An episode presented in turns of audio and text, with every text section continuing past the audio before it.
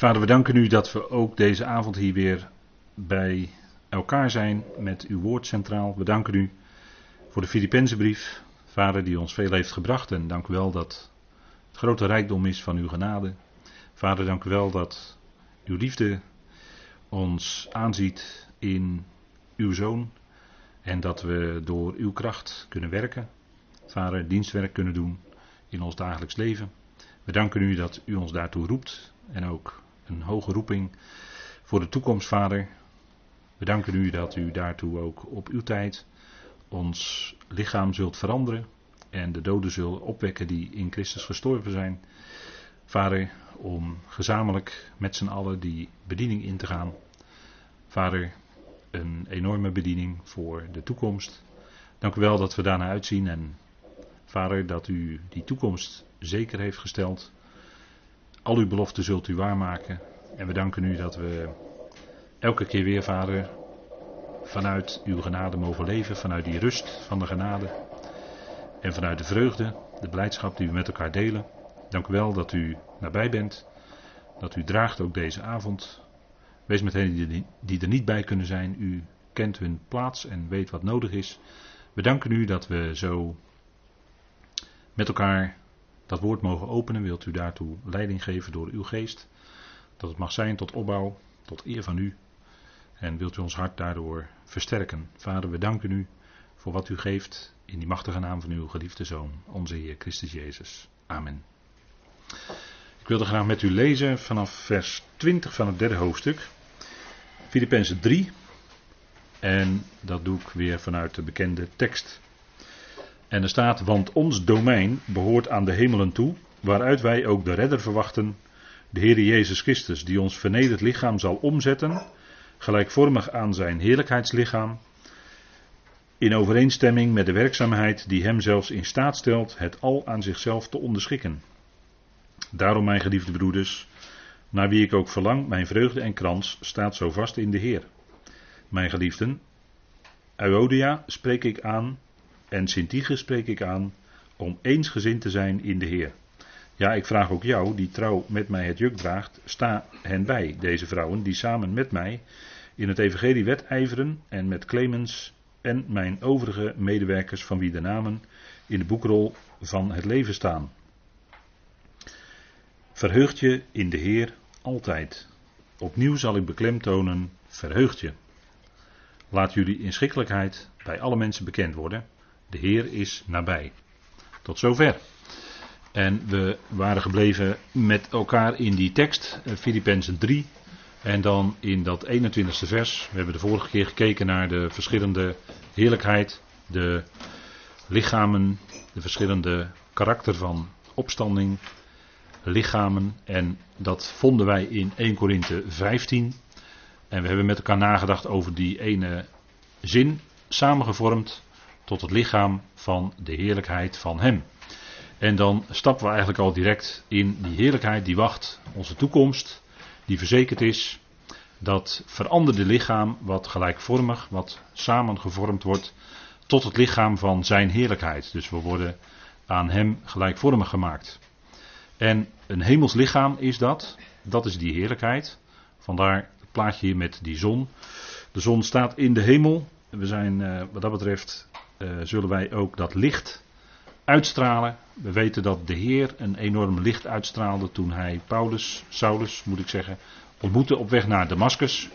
En dat licht, dat enorme licht wat hij uitstraalde, dat, dat laat zien de enorme heerlijkheid die zijn opstandingslichaam heeft. En wij, als wij veranderd zijn, zullen wij diezelfde heerlijkheid ontvangen.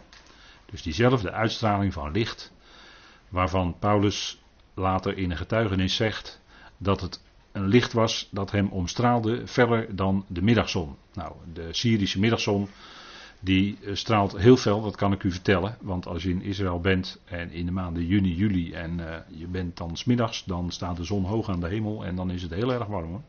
En dan is er heel veel licht. En dat omstraalde Saulus niet dat licht, maar een licht dat dus feller is dan die middagzon. En die heerlijkheid straalde de Heer uit. En dat is natuurlijk wel heel bijzonder. Alleen Saulus heeft dat gezien en anderen die vielen ook op de grond en die hoorden wel een geluid, maar die hoorden niet precies wat er gezegd werd. Saulus wel. En daarom getuigt hij hiervan en weet hij ook waar hij het over heeft als hij schrijft hier in 1 Korinthe 15 vers 47, de tekst die ik hier heb aangehaald. De eerste mens is uit de aarde, dat is uh, uiteraard Adam, van aardbodem, eigenlijk letterlijk van de bodem of van de grond. Dat woord aard is tussen haakjes. Dat staat niet letterlijk in de tekst. En de tweede mens is de Heer uit de hemel. Dus we hebben hier twee mensen waar het om draait in 1 Corinthe 15, Adam en Christus. En Christus is die tweede mens, de Heer uit de hemel. Hij is niet de tweede Adam, maar hij is de tweede mens. En hij is de laatste Adam. Hè. wordt, eh, de schrift is daarin uh, heel nauwkeurig. En dat is, karakteriseert ook de tegenstelling in heerlijkheid. Hoe de Heer nu is, met die heerlijkheid van het hemelse lichaam, die uitstraling. En de eerste mens, Adam, van wie wij beelddragers zijn. Dat hebben we de vorige keer gezien. Hè? Was misschien voor u wel wat verrassend. Wij zijn beelddragers van Adam. Wij zijn niet beelddragers van God, maar van Adam. En wij zullen het beeld van de hemelse dragen. Dat is de toekomst, hè? En dat is iets fantastisch hoor. Want als je 1 Korinthe 15 bestudeert, en we hebben de vorige keer daar wat langer bij stilgestaan, dan uh, moet u denken aan heel eenvoudig een eerste contrast tussen de graankorrel die in de aarde gezaaid wordt en de aar die eruit voortkomt, hè, de vrucht die die aar draagt. 30, 60, 100voudig, hè, om even een gelijkenis te citeren. En nog grotere tegenstelling is die mens die van de aarde is en de Heer uit de hemel. Dat is natuurlijk een veel grotere tegenstelling, maar Paulus gebruikt die tegenstellingen om het aan ons en destijds aan de Corinthiërs duidelijk te maken. En dan gaat hij daarop verder in vers 48. En er staat, zoals die van de aardbodem is, zo zijn ook die van de aardbodem. Dus Adam, wij zijn Adam mensen. En wij zijn nu nu wij nog dat oude lichaam hebben, om even dat woord oud er ook bij te betrekken, dat oude lichaam en nog niet dat nieuwe lichaam, nu hebben wij datzelfde karakter. Als ons lichaam, dat is in verval, dat is stervend. Als je jong bent, dan merk je er niet zoveel van, maar als je ouder werd, merk je het wel. En dan ga je steeds meer merken, je wordt steeds zwakker. En dan ontdek je, ja, je bent van de aarde, van de aardbodem, want uiteindelijk zul je, als je sterft voordat de Heer komt, dan zul je ook gezaaid worden, zoals de Bijbel dat noemt, gezaaid worden. En dan zul je ook uh, terugkeren eigenlijk naar waar je vandaan gekomen bent, namelijk naar de aarde, naar stof. De dood is volgens de schrift een terugkeer. De levensadem, de geest keert terug tot God, zegt de prediker. En de lichaam keert terug naar de aarde, de aardbodem. En de ziel, die keert terug naar waar die voorheen was. En dat, die was er niet. En dus die ziel is er niet meer, die mens is er niet meer op het moment dat hij gestorven is. Dus die ziel is onwaarneembaar, zegt de Bijbel. Als je het woord Sheol of het woord Hades letterlijk vertaalt, dan is dat onwaarneembaar. Dus de dood volgens de Bijbel is een terugkeer. Het is niet een overgang naar een andere vorm van leven, dat is heidense filosofie. Dat is de oude, de heel oude, oude leugen van de tegenstander uit Genesis 3. Hè? Die zei je zult niet sterven. Maar wij weten dat dood dood is. En dus niet een andere vorm van leven. Het woord zegt het al. En al wat daar anders over spreekt, gaat eenvoudigweg tegen de schrift in. En dan kunnen we vrij snel afrekenen. Plato, de oude Griekse filosoof, die leerde de onsterfelijkheid van de ziel. En dat komt gewoon uit de, keuk, uh, de keuken. Ja, de keuken van de tegenstander kan ik wel zeggen eigenlijk. Hè. Uh, ja, zo zou je het wel kunnen noemen. Die had het wel even klaargestoomd, die onsterfelijkheid van de ziel. Maar de ziel is helemaal niet onsterfelijk. De Bijbel spreekt bij gelegenheid ook over dode zielen. Dode zielen. Dus daarmee is gelijk een streep gezet door de onsterfelijkheid van de ziel. Komt ook nergens in de Bijbel voor. Dus ja, als je het niet tegenkomt, dan uh, kun je het gewoon uh, naast je neerleggen. Of wat vind je nog meer in de keuken? Een vuilpedaalemmer? Kan je het ook in doen. En zoals de hemelse is, zo zijn ook de hemelsen. En dat is onze toekomst. De Heer uit de hemel heeft nu een geweldige heerlijkheid. En geesten bevinden zich nu in het hemelse, of in het bovenhemelse, of ophemelse, zo u wilt. als u dat eh, Griekse voorzetsel epi wil honoreren. Het hemelse, zoals die hemelse is, zo zijn ook de hemelsen. Die hebben een hemels karakter. En wij zullen daar in de toekomst deel aan hebben. Wij zullen dus niet langer dan bij de aardsen horen, maar bij de hemelsen. Een hemels karakter, een hemels lichaam hebben. En daarom zou onze gezindheid ook zijn, niet een aardse gezindheid, waar Paulus in Filippenzen 3 ook over sprak, maar een gezindheid op de dingen die boven zijn, hè, gericht zijn op dat wat boven is. Want hij zegt de vijanden van het kruis van Christus, daarvan zegt hij in 3 vers 19, zij zijn op aardse dingen gezind. Zij zijn aardsgezind. En om dat te onderstrepen, zullen wij ook in de toekomst een lichaam hebben dat een hemels karakter heeft. Met een geweldige uitstraling. Onverderfelijk. Onsterfelijk. Je kunt niet zelf een levenselixer brouwen en dat opdrinken en dan vervolgens onsterfelijkheid ontvangen. Zo werkt het niet. Zo werkt het wel in eh, allerlei stripboeken, maar niet in de Bijbel. In de Bijbel is het zo dat je ontvangt onsterfelijkheid doordat God zoveel geest in je blaast, om het zo maar te zeggen, dat je nooit meer sterft. Dan krijg je een levensproces in je dat nooit meer zal eindigen. En dan is dat andere voorbij. Hè? Dan is het niet langer vergankelijkheid, dan is het niet langer oneer, dan is het niet langer zwakheid, maar dan is het kracht, heerlijkheid, onvergankelijkheid, onverderfelijkheid, onsterfelijkheid. Waar mensen naar zoeken, dat staat gewoon in de schrift. Onsterfelijkheid. Dat zullen wij ontvangen bij de opstanding. Als eersten na Christus. Wat een voorrecht. Waar hebben we dat aan verdiend? Nou, nergens aan. Genade. Dat is genade. Dat is genade plus, zou ik willen zeggen. Hè? Dat kan bijna niet hoor, want de overstromende genade geldt in deze tijd. Hè? We leven in de tijd van de overstromende genade. Maar toch zou ik willen zeggen, wij ontvangen bij de opstanding, als de bazuin klinkt, ontvangen wij onsterfelijkheid. En dan zou ik willen zeggen, dat is genade plus. He, daar zet je een flinke plus bij.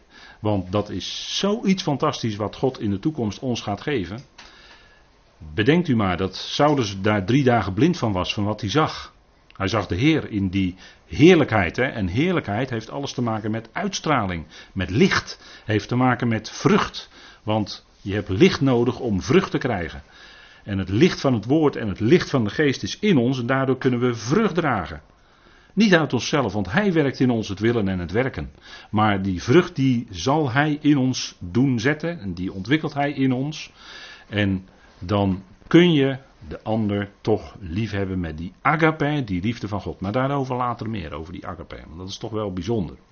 Een hemels karakter van zijn en ons opstandingslichaam. En hij is nu nog niet compleet, hè, hebben we afgelopen zondag gehoord. Maar hij wordt gecompleteerd op het moment dat die bazuin gaat. Dus hij kijkt naar dat moment uit. Wij kijken er ook naar uit. Hij wordt dan compleet gemaakt en dan gaan we vol die bediening in en die hele schepping bekendmaken en tot verzoening brengen en tot brengen tot het buigen van de knieën, brengen tot onderschikking, want daar gaat het over in dit vers, 3 vers 21. Ik dwaal niet af hoor, want het gaat om onderschikking. Uiteindelijk de onderschikking van het al. Niets minder dan dat. Nou, dat omvat alles. Dat omvat alles. En dan is er geen verdwijntruc. Dan is er niet een stelletje dat toch nog verloren gaan. Nee, het al omvat echt alles hoor. Daar hoort iedereen bij. Hè? Die cirkel van Gods liefde, daar, daar hoort dan iedereen in. Daar valt iedereen in. Die cirkel is groot genoeg. Kijk, en dat is natuurlijk geweldig evangelie. Dat is wat men zou prediken. En dat is wat helaas nog maar weinig gehoord wordt. Maar soms heb je wel eens van die lichtpunten, zoals ik vandaag ineens las, dat uh, de vervangingstheologie, die hebben ze bij de gereformeerde gemeenten in de kliko gedaan. Eindelijk. Eindelijk ligt die in de kliko. Deksel dicht, niet meer op terugkomen. Dat is een lichtpunt. Ze erkennen eindelijk dat Israël Gods volk is. Dat was dominee A. Schot, dus er zit echt schot in de zaak. Dominee A. Schot, die zei dat afgelopen weekend bij een jeugdweekend van de gereformeerde gemeente. Stond vandaag in het Reformatorisch Dagblad.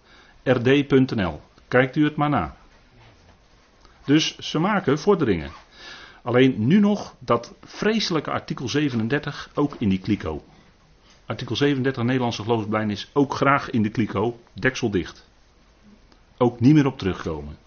God is de redder van alle mensen, daar moet je het gewoon op houden, want dat is wat er staat. Maar goed, dat was een lichtpuntje, dat vond ik wel fijn om te lezen. Want die uiterst verderfelijke vervangingstheologie gaat nu toch eindelijk aan de kant. Eindelijk. Het heeft lang geduurd, maar nu maken ze toch stapjes. En onze toekomst, daar wordt ook maar weinig over gesproken hoor, in die kringen. Over bijvoorbeeld het hemelse karakter van zijn en ons opstandingslichaam.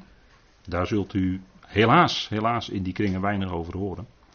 Maar dat is wat ons wacht en dat is een enorme uitstraling. En moet u dat eens vergelijken met het opstandingslichaam of de hoedanigheid waarin de Heer verscheen in die opperzaal bij zijn discipelen en bij de Emmausgangers, dat ze hem eigenlijk niet eens herkenden als was hij de Heer. Dus hij kwam daar in een sterk teruggebrachte heerlijkheid, om het zo maar te zeggen, zelfs zodanig teruggebracht dat hij als gewoon mens met hen mee opliep, hè, met uh, Cleopas en, uh, uh, en die onbekende, de naamloze, Cleopas en de naamloze. Maar hun hart was brandende in hen, hè, toen hij hun de schriften opende. En hen liet zien aan de hand van Tenach al wat op hem betrekking had. En uiteindelijk werden de ogen toch geopend. En in de opperzaal kwam hij ook bij hen. Maar dat was een veel, een heel sterk teruggebrachte heerlijkheid, een aardse heerlijkheid. Maar dat opstandingslichaam wat Saulus heeft gezien, dat heeft een hemelse heerlijkheid. En dat is een enorm veel meer lichtuitstraling dan dat aardse. En dat is ook de tegenstelling tussen de aard van de opstanding, van het opstandingslichaam wat de gelovigen van de besnijdenis zullen ontvangen bij de opstanding van de rechtvaardigen. Dat is een veel lagere heerlijkheid dan het opstandingslichaam wat wij ontvangen bij de bazuin. En dat is een enorme tegenstelling. Wij ontvangen als eerste die geweldige heerlijkheid. En pas veel later zullen anderen ook in zo'n heerlijkheid gaan delen. Hemelse heerlijkheid is niet beloofd aan Israël, want die, die hebben een aardse heerlijkheid toegezegd gekregen. Aan de gemeente die het lichaam van Christus is, is een unieke hemelse heerlijkheid beloofd. En zullen we ook ontvangen. En dat maakt het heel bijzonder. En dan is het niet dat wij beter zijn dan Israël, helemaal niet. Maar God schenkt ons genade.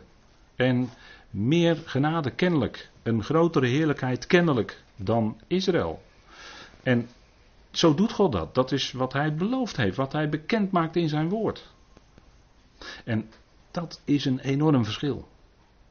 Dat is een enorm verschil. En natuurlijk is onze bediening te midden van de hemelingen, voor de hemelse machten en krachten. Maar in de nieuwe schepping, dat heb ik met de gelaten brief heb ik daar ook wel eens iets over gezegd. In de nieuwe schepping zullen wij ook bij gelegenheid aan Israël die grotere heerlijkheden van de apostel Paulus bekend gaan maken. En daardoor ook aan de andere mensen. Daar ben ik van overtuigd. Dat wij ook daarin zelfs nog een functie zullen gaan vervullen. Maar dat is nog toekomstmuziek hè, voor de nieuwe schepping, de vijfde aion. En daarin zit een geweldige tegenstelling. Hè. U moet het vergelijken met de, een, een fakkel s'nachts. Dat, zijn de onthulling, dat was de onthulling die aan Israël gegeven was. En die zon die Saulus omstraalde, die, die feller dan de middagzon zelfs. Vergelijk dat maar met een, hou maar zo'n fakkel dan in dat licht van zo'n middagzon. Nou, dan stelt die fakkel eigenlijk niets meer voor qua licht. Nou, dat is ook een vergelijking tussen wat aan de besnijdenis onthuld is en wat aan ons onthuld is in de brieven van Paulus, in dat evangelie. we praten over licht. Licht komt alleen door het woord. Licht komt door het woord en Gods geest maakt het duidelijk aan ons hart dat is dat licht in ons wat is aangegaan. En dat is heel bijzonder hoor, als je dat gaat zien.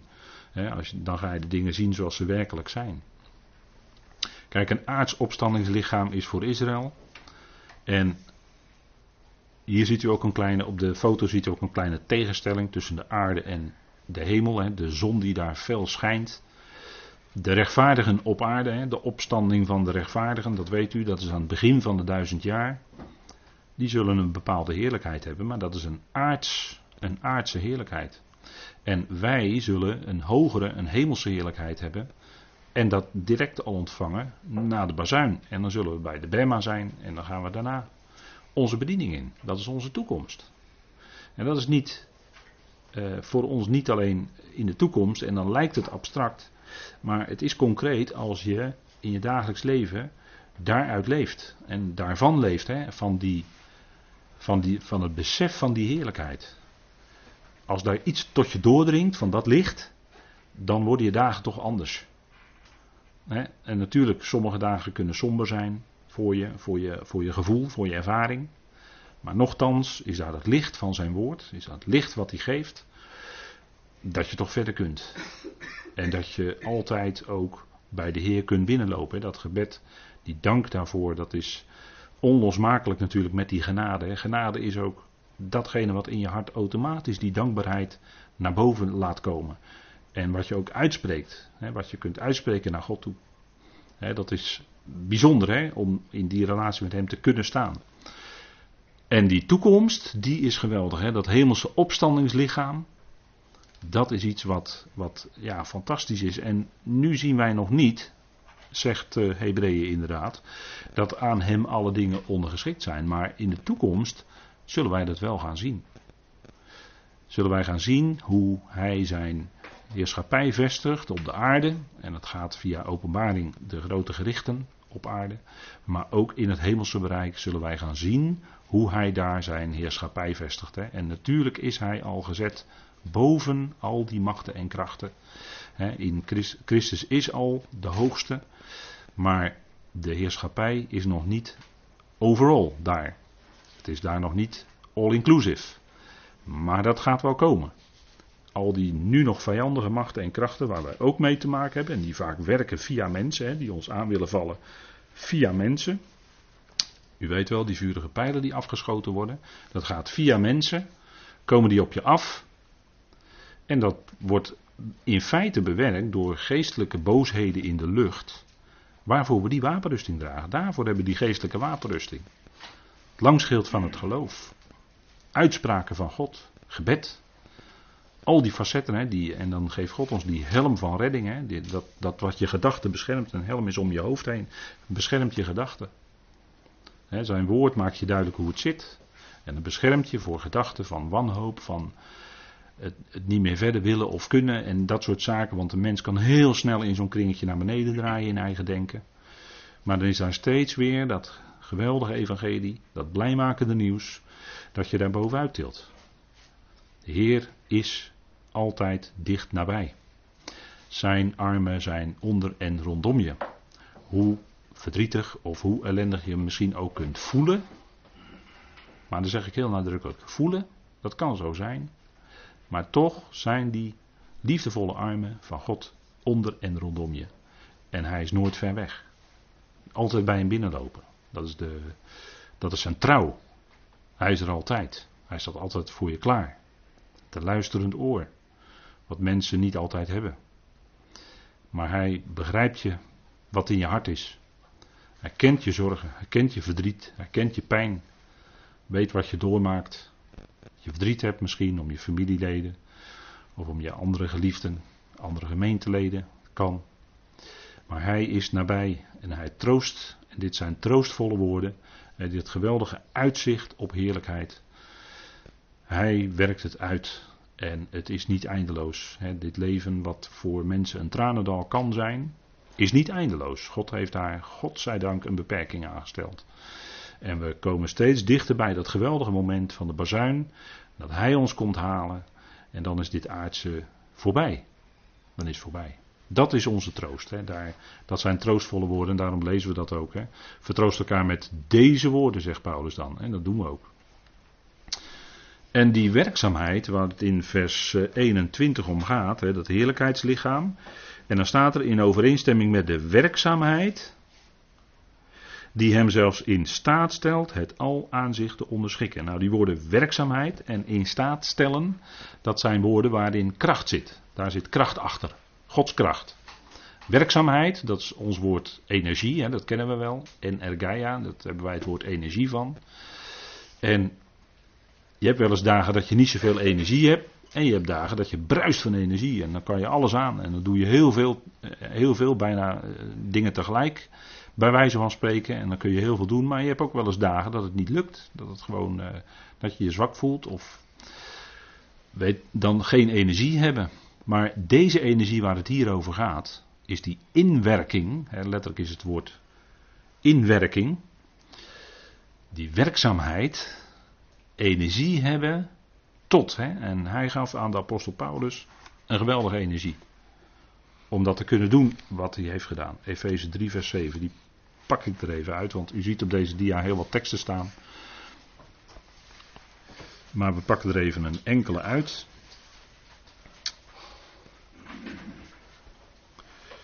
Efeze 3, vers 7.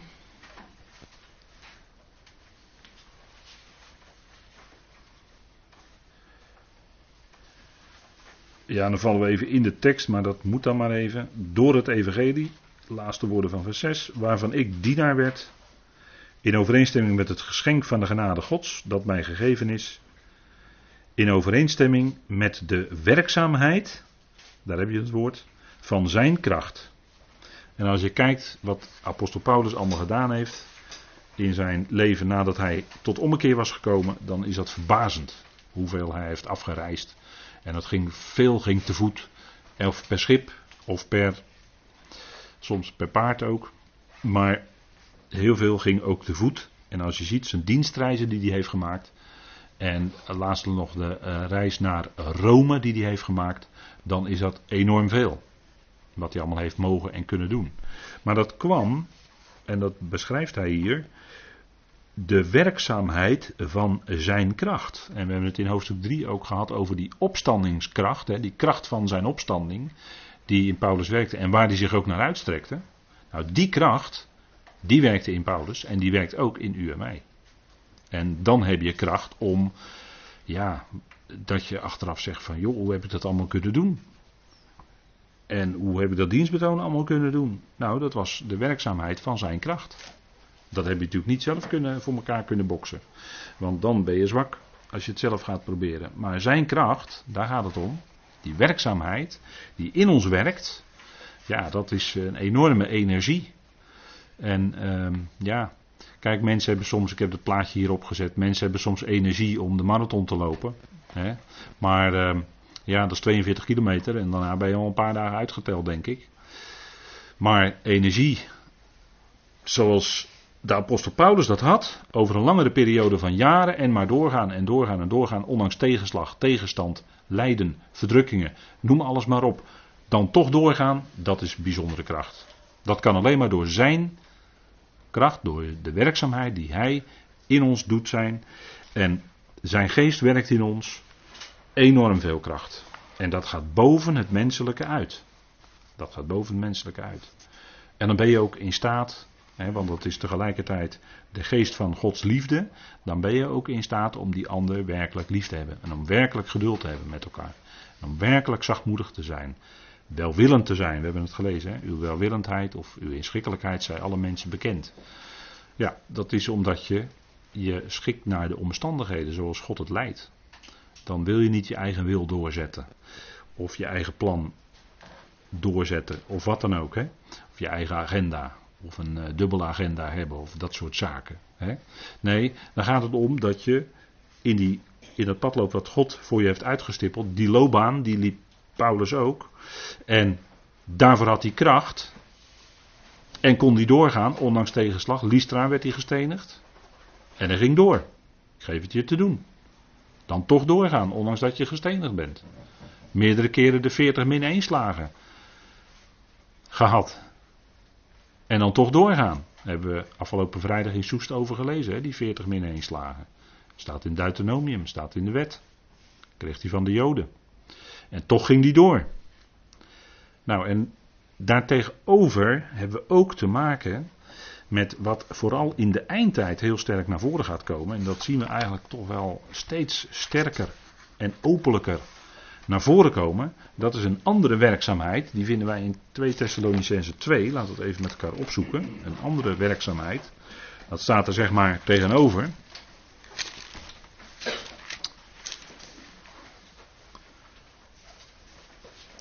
Dat we wel in de tijd leven dat men steeds openlijker de tegenstander aanbidt en vereert. En steeds meer uitingen in media komen. Waarin, uh, wij zeggen dan heel brutaal, maar waarin de tegenstander bij name genoemd wordt en uh, geëerd wordt. Hier lezen wij in 2 Thessalonicense 2, vers 9. Hem wiens komst overeenkomstig de werking van de Satan is. Daar gaat het over de wetteloze. Hè, die, als wij weg zijn, gaat die wetteloze zich openbaren en zal die op het wereldtoneel de wereldleider worden. Daar gaat het hier over in 2 Thessalonicense 2. Maar hij kan pas zich openbaren als wij weg zijn. Dat zegt 2 Thessalonicense 2 ook. En dan staat er wiens komst is of wiens aanwezigheid is. Overeenkomstig de werkzaamheid van de Satan. Satan is het Hebreeuwse woord voor tegenstander. Met allerlei kracht, tekenen en wonderen van de leugen. En met allerlei misleiding van de ongerechtigheid in hen die verloren gaan, omdat zij de liefde van de waarheid niet aangenomen hebben om gered te worden. En daarom zal, let op hè, daarom zal God hun een krachtige dwaling zenden, zodat zij de leugen geloven. dat, dat, dat is wat in de eindtijd gaat gebeuren. Hè. Dan zal God een krachtige dwaling zelfs zenden, zodat zij de leugen gaan geloven. En we zien daar al aanzetten dat men steeds meer die waarheid loslaat, eigenlijk in hoog tempo, en de leugen wordt aanvaard. En tekenen en wonderen, ja, die gebeuren. En men doet dat bij gelegenheid ook in de naam van. Maar ik herinner me dat de Heer Jezus gezegd heeft: als hij komt. En dan zullen ze tegen hem zeggen: Hebben wij niet in uw naam? Enzovoort. U kent die tekst wel. Demonen uitgedreven enzovoort. En dan zegt hij: Ga weg, werkers van de ongerechtigheid. Ik heb jullie nooit gekend. Of wetteloosheid, zegt hij zelfs daar, geloof ik. In uh, Matthäus 7. Ik heb jullie nooit gekend. Tekenen wonderen gedaan. En ze waren zo misleid dat ze niet doorhadden dat het was door de werkzaamheid van de Satan, van de tegenstander. Moet je nagaan. En dat is vandaag de dag aan de hand. Hè? Tekenen en wonderen worden gedaan. Daardoor worden, worden, mensen zo, die kun je dan zo met een natte vinger kun je meenemen. Tekenen en wonderen, want het is niet te controleren. Het zijn bovennatuurlijke dingen. En als, als het woord bovennatuurlijk gebruikt wordt, dan ga ik gelijk al op scherp. Als nadrukkelijk het woord bovennatuurlijk gebruikt wordt, ga ik gelijk al op scherp. Dan denk ik van, dan. Ik heb liever Gods woord. Daar kun je checken. Kun je dingen mee checken. Kun je controleren of datgene wat gebracht wordt, of dat ook werkelijk van God is, ja of nee. Dat is de toetssteen. We zouden alles toetsen aan het woord. Hè? En dat, dat is wat we doen. Ja, en als het die toets niet kan doorstaan, dan is de keuze snel gemaakt, denk ik, voor ons als gelovigen. En dus niet om andere mensen te veroordelen, maar het is omdat we weten dat die werkzaamheid van de tegenstander zodanig is dat hij mensen misleidt en hij is een heel geslepen, een geslepen uh, dubbele tong. Hè? Een slang heeft een dubbele tong, weet u wel. Als die naar buiten komt, dan heeft hij twee puntjes. Dat is een dubbele tong. En dat, is de, dat karakteriseert ook de leugen. Hè? Dan, het is nooit enkel, maar er is altijd een dubbele bodem. Dan klopt het niet. En dat kun je toetsen heel makkelijk aan Gods woord. En ja, dat wordt misschien niet altijd in dank afgenomen, dat, zou wel, dat zal wel. Maar het bewaart je voor die werkzaamheid van de tegenstander waar het hier over gaat. En als wij weg zijn, denk erom, dan gaat het helemaal los. Nu is de weerhouder, de gemeente, het lichaam van Christus, is nog op aarde, dat is de weerhouder. Maar als die weerhouder is weggenomen, denk erom dat dan de werkzaamheid van de tegenstander in hoog tempo gaat doorbreken. En dan gaat het heel hard. En dat gaat al heel hard in deze tijd. Hè, wat, uh, ik, weet, ik weet niet of ik dat bij, bij deze studies wel eens gezegd heb. Maar wat denkt u ervan als Madonna optreedt als Baphomet? Wat denkt u ervan? Madonna, wereldster. Die zich uit, uitdost als was zij Baphomet. Wat een uitbeelding van de tegenstander zelf is in feite. En dat dat hele gebeuren dan, dat hele podium dan, allemaal demonen daar enzovoort, hè, boze geesten, noem maar op. Dansen allemaal verkleed als. Dat is, dat is wat vandaag aan de dag gebeurt. als u eh, elk jaar zou zien wat er met de presentatie van de Super Bowl in Amerika gebeurt. Ja, er is een heel theater wordt er dan opgetrokken. Wat denkt u ervan? Ja, nou dat zijn dingen, kijk, waaraan je ziet dat, dat, dat die tegenstander, die steeds, dat wordt steeds openlijker. Die, die, ook dat men de tegenstander vereert. Dat, ging, dat was, tot voor kort was het allemaal nog achter de coulissen in het geheim. Maar het gaat nu allemaal steeds openlijker worden. Dus wij leven in de tijd waarin die zaken losgaan. Dat is de werkzaamheid van de tegenstander. Dat is, die andere, dat is een totaal andere geest. En ja, we zouden toetsen of de geesten uit God zijn. Dus ja, dat is een andere werkzaamheid. Wij putten onze kracht en ons geloof en alles uit dat woord van God. Dat is voor ons van levensbelang. En die geest van God die werkt in ons. En dat is de geest van de waarheid. En die verheugt zich ook met de waarheid. Dan, en dan herken je het ook. Ja, dat is waar, zeg je. En dat is die geest in je, die dat bevestigt. Dat is waar, wat Gods woord zegt, wat Gods woord belooft. Dat is de waarheid. En, het, en de andere ga je ook herkennen als de leugen. Dat men zit te jokken. Dat, dat, ja. Dus scherp, scherp hè, in deze tijd. En het gaat steeds meer toespitsen hoor. Dus niet om u bang te maken, alleen opletten. Opletten, goed opletten wat er, wat er gebeurt. Die hem zelfs in staat stelt, want daar gaat het om. Hè, daar heeft de gemeente, het lichaam van Christus, een heel belangrijk. Is daar een heel belangrijk instrument in. Daar ging het afgelopen zondag ook over. Die hem zelfs in staat stelt het al aan zichzelf te onderschikken. Kijk, u, ziet hier op dit plaatje wat in de, in de wereld belangrijke personen zijn. Met veel macht. Maar de Heer staat daarboven. En die gaat ook hen tot onderschikking brengen. En in staat zijn, hè, in staat zijn is. Uh, we hadden het net over werkzaamheid. Dat, dat, daar, daar zit natuurlijk een bepaalde kracht in, hè, een werkzaamheid. Een auto heeft kracht nodig om te kunnen rijden. Die motor moet kracht hebben. Werkzaamheid, maar ook vermogen, hè, in staat zijn. Dat is het woord uh, daar zit ons woord dynamisch in. Wat, uh, dan hoor je bijna het woord dynamiet. Hè? Dat is wel erg explosief. Maar dynamisch, dynamai, dat is het vermogen hebben, het in staat zijn om ook werkelijk iets te kunnen doen. En dat vermogen, dat kunnen, wordt ook vertaald met, vaak met kunnen, hè? het vermogen hebben om iets te kunnen doen, dat was bij de apostel Paulus ook aanwezig. Dat was bij de Heer aanwezig om die datgene te doen wat hij moest doen om dat ook te kunnen. Het vermogen te hebben. En zo ook wij, hè. Dat vermogen werkt ook in ons. En kijk, de Heer die zei daarover, die gebruikte dat woord in Johannes 5, en dat is misschien wel even fijn om met elkaar na te slaan. Johannes 5, en dan spreekt hij over de zoon en de vader. En dan lees je wat eigenlijk, dan lees je eigenlijk een aantal absolute uitspraken. Dus wat absoluut waar is. Er zijn ook relatieve uitspraken, wat relatief, wat, wat je relatief moet zien. Maar nu gaat het om een aantal absolute waarheden. En dan zegt de Heer in Johannes 5, vers 19: Jezus dan antwoordde en zei tegen hen: Voorwaar, voorwaar, ik zeg jullie, de zoon kan niets van zichzelf doen, als hij dat niet de vader ziet doen, want al wat deze doet, dat doet ook de zoon op dezelfde wijze. En dan hebben we hier dat woord kan. Hè?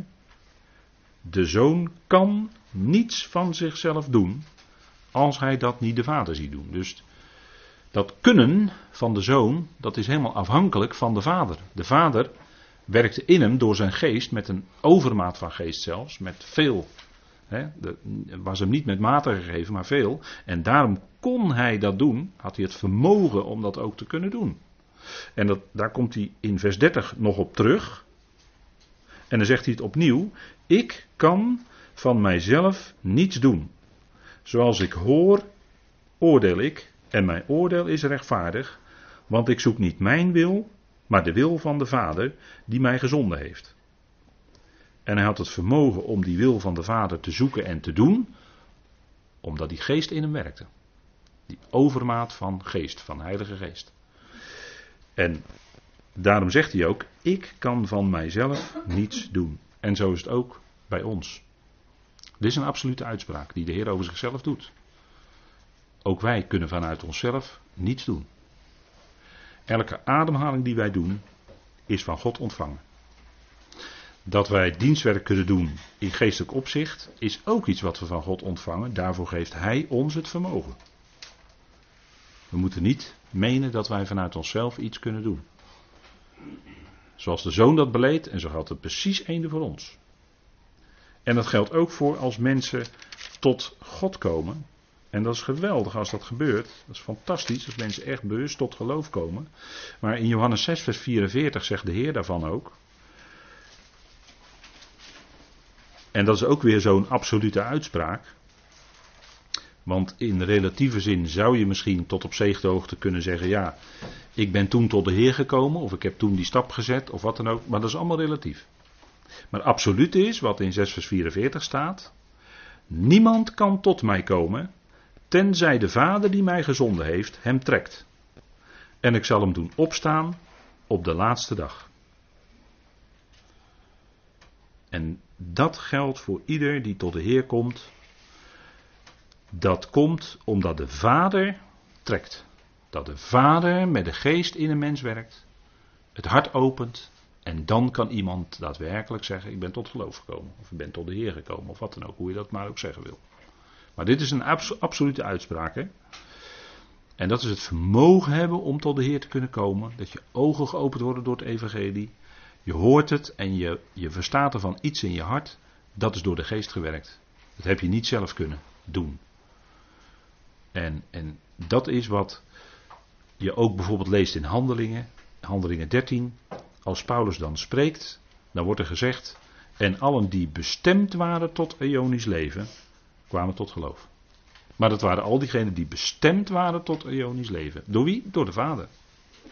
Daar heeft de mens zelf geen invloed op, ten diepste. dus je moet onderscheid maken tussen absolute uitspraken en relatieve. En dit is een absolute. En dat geldt natuurlijk ook voor andere dingen. Bijvoorbeeld, om er nog één te noemen, Efeze 6. En daar had ik het daarnet al heel even over, bij de wapenrusting. Efeze 6. En het is belangrijk, dit zijn belangrijke dingen omdat het gaat om kracht voor ons dagelijks leven, voor je leven, hè, om kracht om iets te kunnen, om het vermogen te hebben.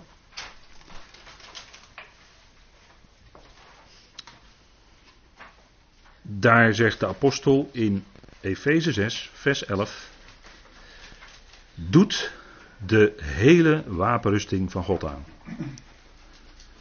Opdat jullie stand kunnen houden, hier weer het woord kunnen, dat is weer ons woord dynamai, het vermogen hebben om, om stand te kunnen houden tegen de strategieën van de tegenwerker. En die zijn zeer listig. Die zijn zeer listig. Daarom heb je die kracht nodig. Want het is voor ons geen worsteling met bloed en vlees.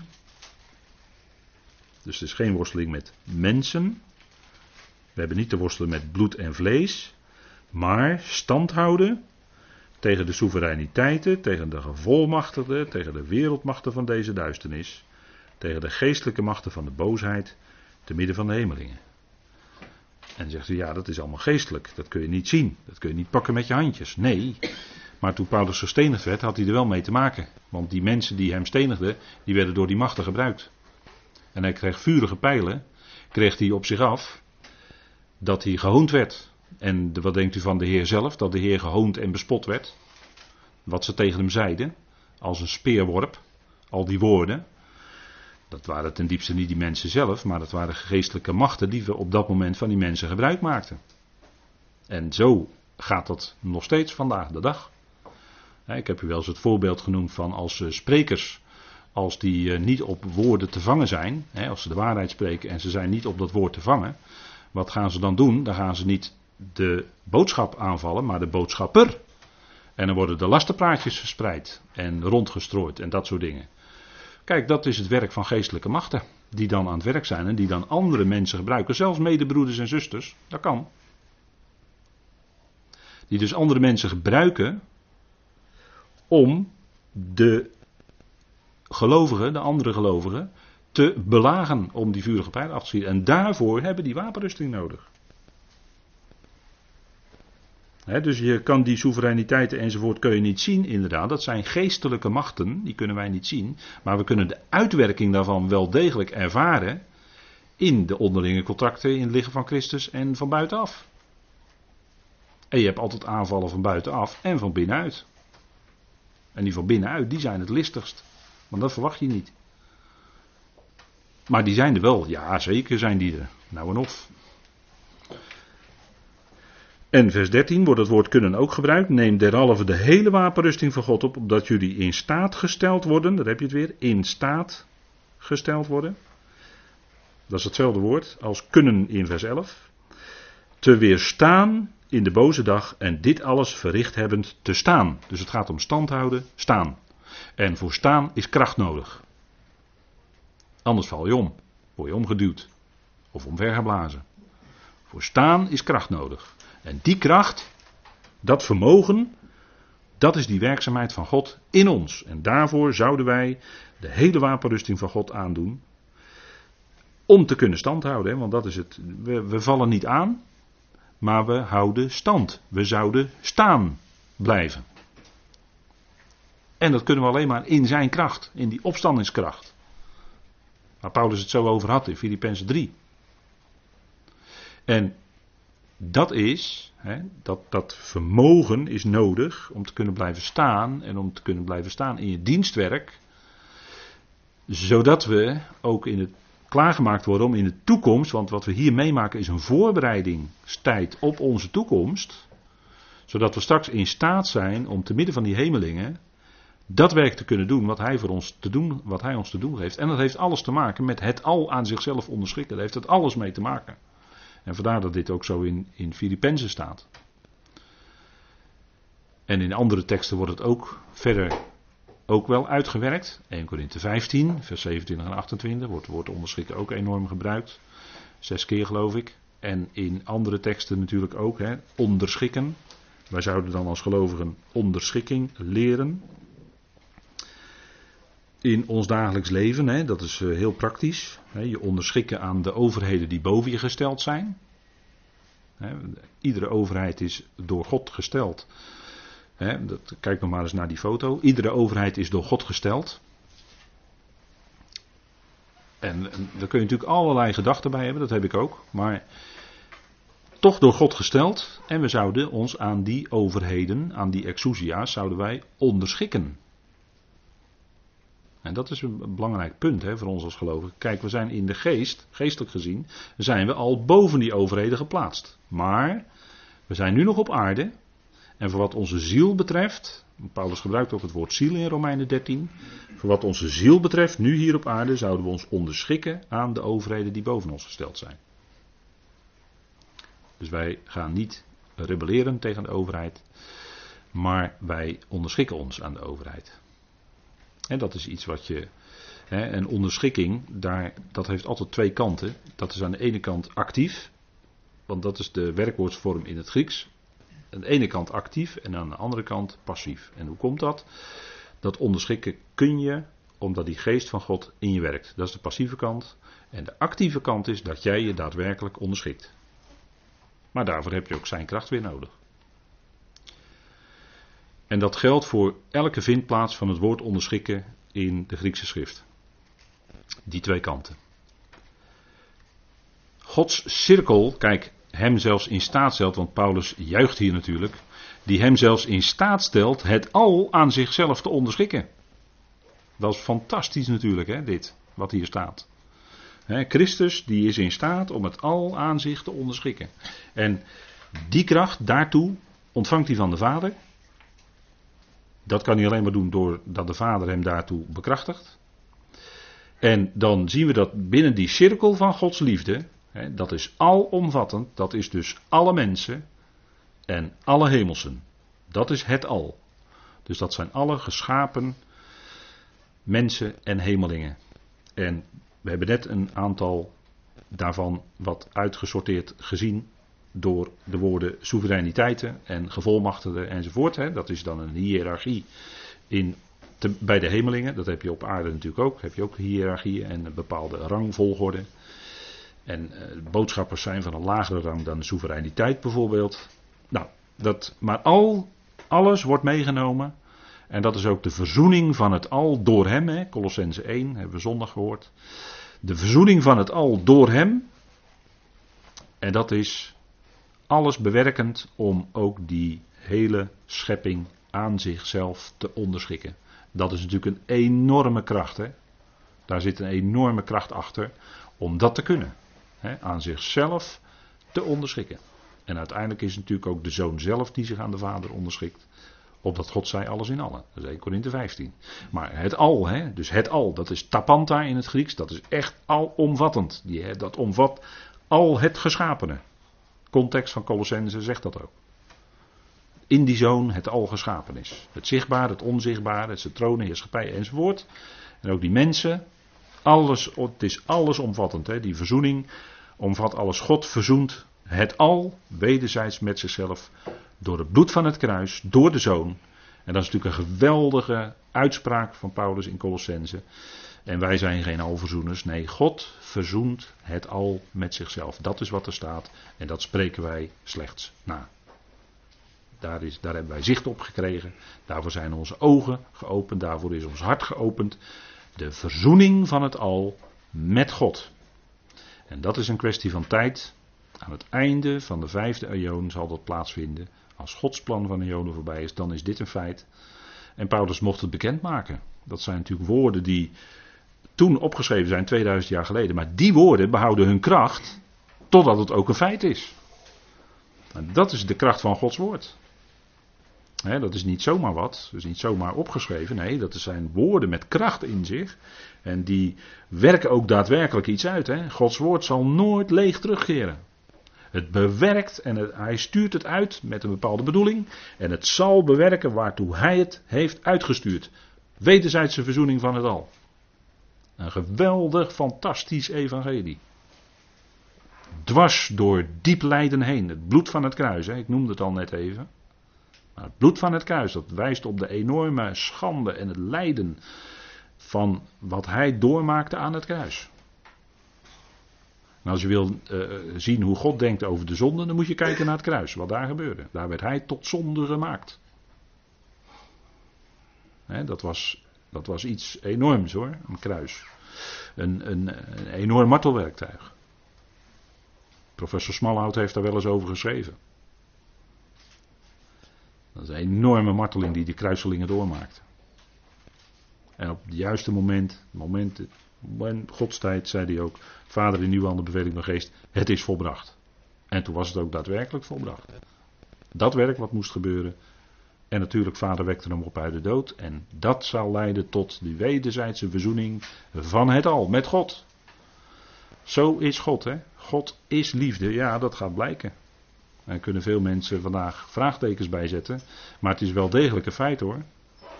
God is liefde en dat zal blijken aan het eind van de plan van Eonen. En dan zal op al die vragen die er nu nog zijn een antwoord gegeven worden. Zeker, dat komt zeker. Dat antwoord komt gegarandeerd. Wij kunnen elkaar niet antwoord geven op al onze vragen die we hebben misschien. Maar die antwoorden die komen wel. Absoluut. Als ze bij de Heer zijn, zegt u van nou ik heb nog wel wat vragen aan de Heer. Nou prima, dan ga die vragen maar stellen dan krijgt u antwoord. maar dat is nog toekomstmuziek. Maar u krijgt antwoord, gegarandeerd hoor. U zal het dan gaan zien, waar, waartoe het was in uw leven of het leven van uw geliefden of wat dan ook. Het antwoord gaat komen. En, en dat God alles in allen uiteindelijk zal zijn, daar, dat is eigenlijk al een sleutel tot heel veel antwoorden. Dat God alles in allen uiteindelijk zal zijn. En, en als het nog niet, hè, als God nog niet alles in allen is, dan is het nog niet het eind van zijn plan. Zolang dat nog niet zo is, is het plan nog niet voltooid. Het is pas voltooid als hij werkelijk alles in allen is. Dat, dan is voor ieder schepsel God alles. de vader, dan is het eigenlijk de vader. Kijk, onderschikken. Onderschikken is nooit afgedwongen. Want, weet u, liefde, en dat is ook de geest, de geest van God, die dwingt niet. Liefde dwingt niets af. Als iets gedwongen wordt, afgedwongen wordt, dan is het niet de geest van God. Maar dan is er iets anders aan de hand. Wat het dan ook maar is. Maar liefde, Gods liefde, dat is de agape, die dwingt niet. God kan wel door zijn geest in zijn liefde aandringen, maar dat is nog niet dwingen. Dwingend is heel wat anders. En zo is het ook aan het eind, als ieder tong zal beleiden, dan is dat niet gedwongen, maar dan is het vanuit het hart.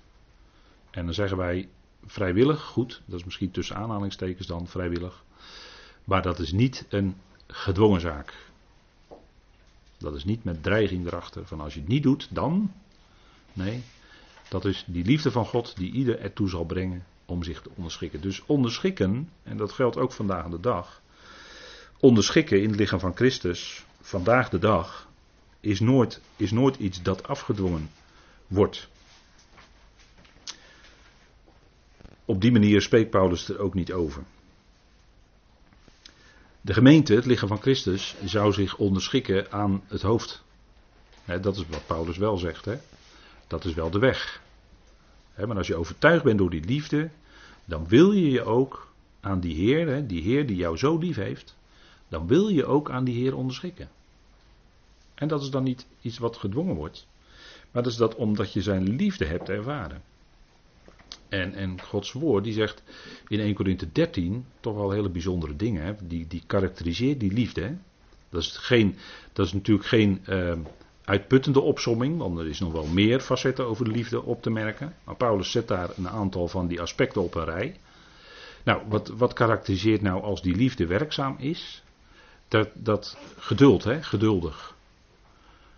Um, en de liefde is ook mild, hè, zegt Paulus daar in 1 Korinthe 13 dan heb je geduld. Als je geduld kan oefenen, dan blijkt daaruit dat die liefde van God in je werkt. En uh, mild zijn is uh, het tegenovergestelde van keihard zijn. En ook gelovigen kunnen elkaar bij gelegenheid keihard afrekenen. Maar dat zouden wij niet doen. Want de liefde is mild. De liefde is mild. En uh, de liefde is niet snoevend. Hè? De liefde die verheft zich niet boven een ander. Maar die is ootmoedig. Daar gaat het over in Filippenzen. De, de Filippense brief gaat over ootmoedige gezindheid. De liefde die snoeft niet. Hè? Die uh, beroemt zich niet op eigen prestaties of wat dan ook. Die snoeft niet en is niet afgunstig. En afgunst, u weet, dat kan een enorme verstoorder zijn van menselijke relaties. Als je afgunstig bent, dan gun jij de ander dat niet wat die ander heeft. Of jij wil heel graag hebben wat die ander al heeft. En dan word je afgunstig. En dat verstoort de relaties. En dat is verdrietig. Als het, eh, zeker ook als het in het lichaam van Christus gebeurt. Maar u, weet wel uit de praktijk hoeveel, hoeveel schade afgunst kan berokkenen. of moet ik zeggen, jaloersheid. Dat kan ik ook zeggen. He, jaloezie. Dat is uh, iets van het vlees. En daar zit nog wat meer in. Je zegt jaloers, dan zit er nog wat meer in dat je graag wil hebben wat die ander heeft. En dat, dat verstoort. De liefde is niet opgeblazen. Dus die blaast zich niet op. dat waren die Corinthiërs wel. Die waren opgeblazen de een tegen de ander. En de een die pochte dat hij een betere gave had dan de ander. En meer kennis dan de ander enzovoort. Daar gaat het natuurlijk helemaal niet om. want alleen kennis maakt opgeblazen. Maar de liefde bouwt op. Hè. De liefde sticht met een wat ouder woord. Hè. Maar stichten is ook bouwen. Hè. Een stichting is eigenlijk uh, een, een bouwen. En dan kun je zeggen, ja, ja, maar als ik dat zo naar mezelf toekrijg, die woorden uit 1 Corinthië 13, dan dan eigenlijk als het over mij gaat, nou, dan, dan ga ik een beetje tranen krijgen, want ik, ik voldoe daar helemaal niet aan. Ik kan dat helemaal niet. Nee, precies, u kan dat ook niet. Ik ook niet. Uit onszelf. Je niet verheugen over onrechtvaardigheid. Je niet laten prikkelen, dat is ook één hoor. je kan je laten prikkelen en dan, ga je, dan kan je van daaruit kan je, uh, tekeer gaan tegen die ander tot en met, omdat jij geprikkeld bent. Maar de liefde laat zich niet prikkelen. Die zoekt zichzelf niet. Oei, hè, zoekt zichzelf niet. Oei, denkt u misschien. Ja, als ik eerlijk ben. De liefde gedraagt zich niet ongepast. En rekent het kwaad niet toe. dat was de apostel Paulus ook. Hè? Bij zijn eerste verdediging had behalve één, nee niemand geloof ik, hè? bij de eerste verdediging, toen hij zich moest verdedigen, had niemand hem bijgestaan. Dan zei hij, het worden hun nu toegerekend. Want misschien was het wel heel fijn geweest als broeders hem op dat moment hadden bijgestaan. Maar dat was niet zo. En dan zegt hij, het worden hun niet toegerekend. Dus hij rekende dat kwade niet toe. Dan zie je iets van die vrucht van de geest. Hè?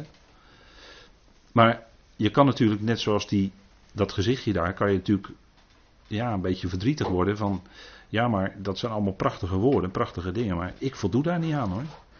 Want ik schiet nog wel eens enorm uit mijn slof. En ik scheld nog wel eens iemand anders de huid vol. Maar de liefde laat zich niet prikkelen. Nou, misschien kan je daar ook iets anders voor invullen. En dat doen we na de pauze.